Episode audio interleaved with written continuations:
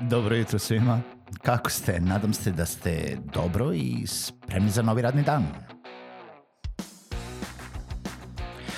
Pozdrav svima i dobrodošli na podcast Male pobede, stari novi podcast koji, well, koji je tu da bi vam kroz pitanje i savete dao motivaciju, pokrenuo vas u pozitivnom smeru i pomogao da ovaj dan počne bolje, jače i možda čak i zabavnije. Moje ime je Željko Crnjaković.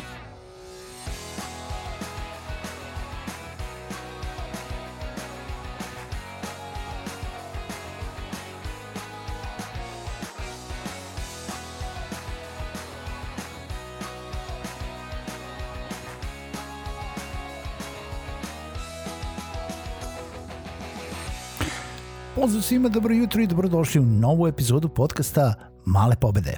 Hvala vam što ste i danas sa epizodom uh, podcasta Male pobede. Pozivam vas da posjetite sajt malepobede.rs, da se prijavite na newsletter, da čekirate sve što imamo na sajtu ili ukoliko vam se sviđa podcast, da posjetite Patreon stranicu www.patreon.com kroz male pobede i ostavite neki dobrotvorni prilog uh, ili uzmete neku od usluga koje imamo u okviru Patreona.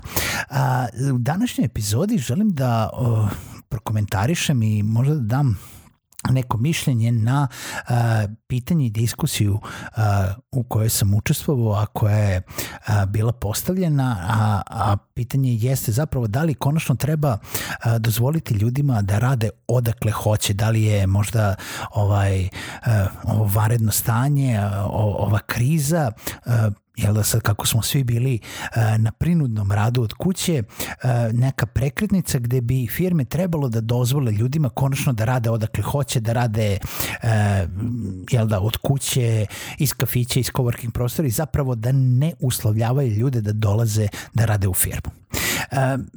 Neko misli da, neko misli ne, neko misli da jel da nema firme i nema uspeha u timskom radu ukoliko nisu svi na jednom mestu. Ja sam nekako podeljen u smislu sve zavisi šta želite i kako vam izgleda poslovanje.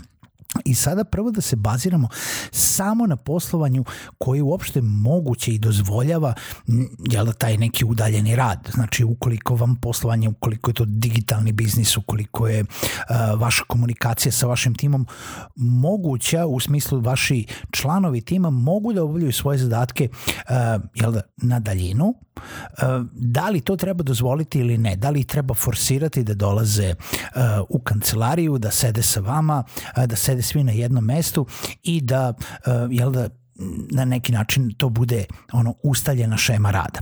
E, mnoge firme dozvoljavaju e, neke dane u nedelji ili jedan ili dva e, dana e, remote rada da se ljudi sami organizuju. Mnoge firme dozvoljavaju fleksibilno radno vreme pa ne morate da dolazite na 8, možete da dolazite zapravo između 8 i 10 i samim time i produžite e, ne, neko svoje radno vreme u smislu ne morate da završite u 4, možete da završite u 6 i samim time kreirate uh, jel da, neki vaš dan u odnosu na vaše obaveze, u odnosu na to kada bolje funkcionišete, u odnosu na to kada ste produktivni.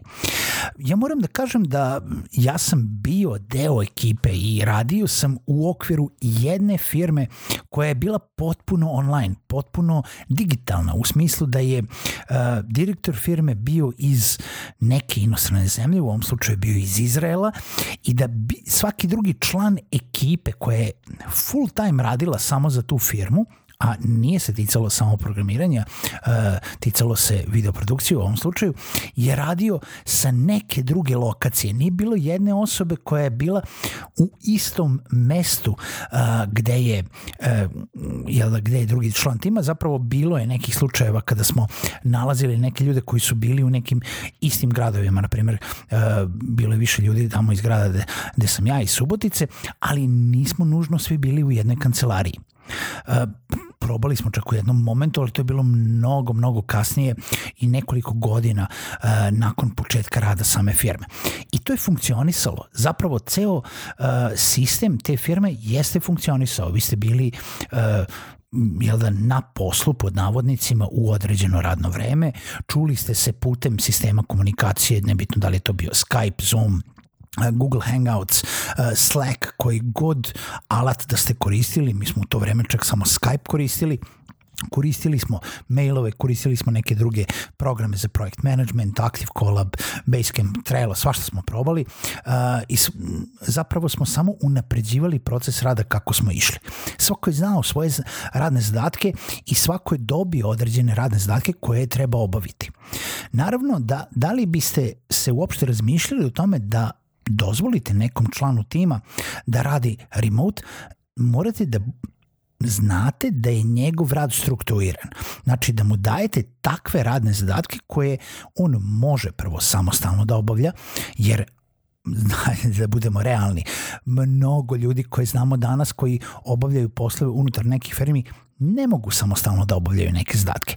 Uvek moraju da budu pod kontrolom, pod nekim mentorom, pod uh, nekim dodatnim uh, jel da, taskovima gde ili su im taskovi minimalni ili konkretno moraju oni da, uh, jel da budu sa nekim da bi te uh, jel da poslove izvršavali. Za neke seniore, za neke ljude koji um, možda čak i nisu seniori, nego uh, imaju automatizovani rad zato što moraju da nazovu određeni broj klijenata, moraju da pošalju određeni broj poruka, moraju da nameste uh, određeni broj stvari u nekom sistemu, moraju da uh, paze na ne znam, određen, moraju da unesu određeni broj podataka u neku tabelu, je isto tako automatizovani rad nešto što mogu da rade na podnavodnicima normu. Znači ti moraš da uradiš toliko i toliko i zapravo ti treba x sati da bi to uradio. Za nešto što zahteva kreativan rad, ti moraš da nacrtaš XY nešto u toku tog dana ili u roku od 2-3 dana.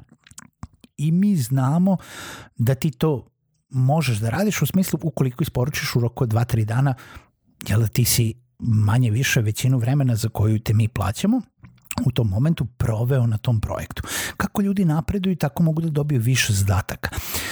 Konstantna komunikacija sa timom je nešto što je presudno ukoliko je jel da ljudima dozvoljen rad od kuće. E sada, uopšte sama, mislim, šta je, šta je poenta? Poenta priče jeste da je bilo povedena diskusija da je teško naći osobu koja pristaje na rad iz kancelarije i da sad već ljudima moramo dozvoliti rad bilo odakle. Sa time se ne bi složio. Zapravo, evo, ja vodim coworking prostor, pored svega ostalog što radim, vidimo da ljudi žele da odvoje privatni život od, od poslovnog života, dosta ljudi, ne svi, ali dosta ljudi, da im prije da ide u kancelariju, a sa druge strane neke firme jednostavno su podešene tako da bolje rade timski u kancelariji. Bolje je protok informacija, bolje je brainstorming, bolje e, je neka saradnja na nekim projektima. Ne morate da se mislite da li radite u isto vreme ili ne radite u isto vreme, tu ste u kancelariji, ste možete da razmenjujete ideje, možete da budete uh, inspirativni, inspirisani uh, i pod nekim kreativnim nabojem ili samo da budete u okviru tima koji zapravo radi na istom projektu. Tako da samim time možete uslovljavati ljude da dolaze u kancelariju.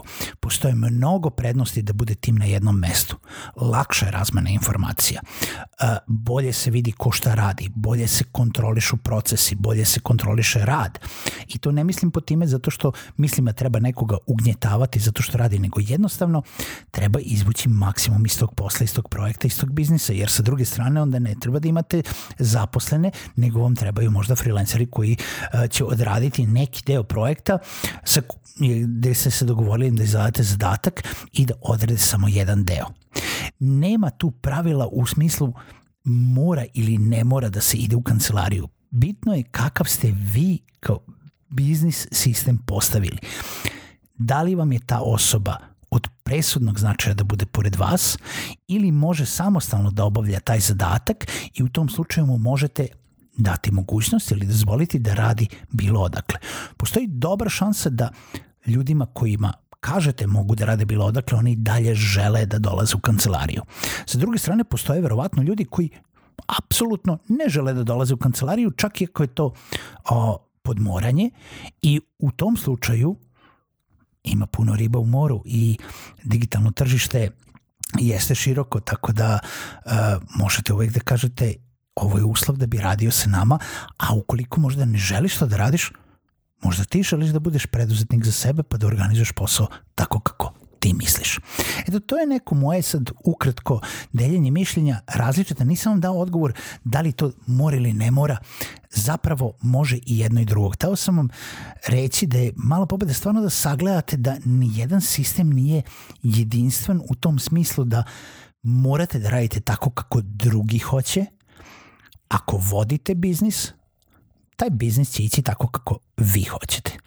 Vi ćete se prilagoditi procesima rada i ukoliko želite taj neki e, tu, tu neku osobu koja možda vredi to da ona radi tako kako ona želi i to funkcioniše, ne vidim razlog zašto to ne bi dozvolili. Takođe ne vidim razloga zašto ne bi dozvolili i drugim ljudima nekoliko dana nedeljno da rade odakle hoće. A sa druge strane, uvek je dobro da se nađu na jednom mestu, da razmene informacije i da bude na neki način taj ta bolja komunikacija oči u oči kada to jel da, mogućnosti dozvoljavaju.